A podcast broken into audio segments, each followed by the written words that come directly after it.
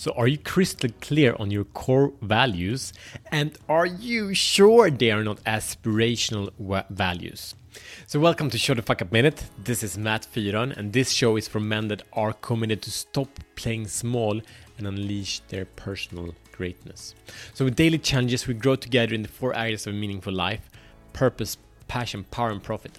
So, the problem is that, you know, value is something that very few men has the clarity on. So what happens when we go out in the world, when we go out in our everyday life, we do not act out of certainty. We can't be quick on our feet because we don't know what we're standing on, right? But if we know our solid foundation, then we can jump high, right? And we can accelerate fast, and that is what values works as in our life. So it's it's it's the framework it's a way of analyze, analyze, analyzing it's a way of seeing the world of people opportunities chances. And without that we become reactive to whatever gets thrown at us and we get carried away in other people's dreams and and visions and plans about what to do. And we don't get the things that we value that we think are important done right? So yes. We the only people that can know our truth really is us so it's time to get clear on that. So, but there is another problem. A lot of people doing that that are, are, getting clear on their values. They're actually not getting clear on their core values. They're getting clear on their aspirational values. So, what is that? Aspirational values are delusional, and that is who you would like to become. So, for example, say you know if your value is like it's courage, it's passion, it's, it's curiosity that those can be some of your values, right?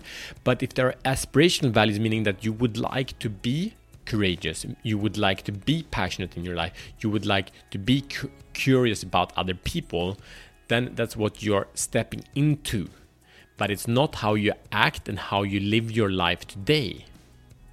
And a lot of people have aspirational values for a year, but they don't integrate them, and we can't integrate anything if we don't know where we're starting from.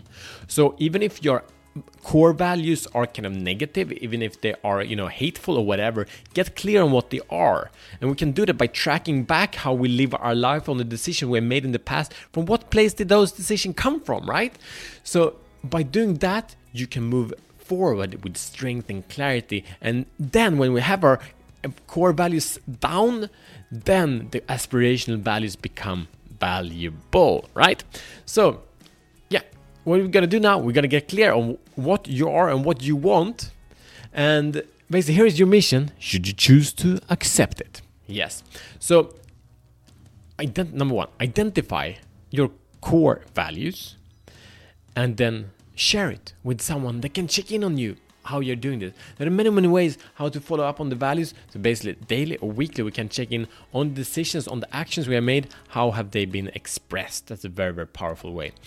Uh, so in the link in the show notes, there are tons of values. There's an exercise there that's beautiful that I was given by Larry Hagner at Dad's Edge community. So check that out and do your core values exercise to get clear and get personal power.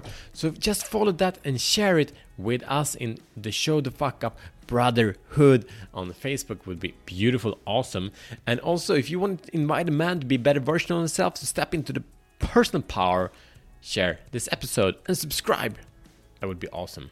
Thank you so much for listening. We're in the top charts again. That's freaking awesome. So thank you so much for your support. Bye bye. See you tomorrow, I mean, better man.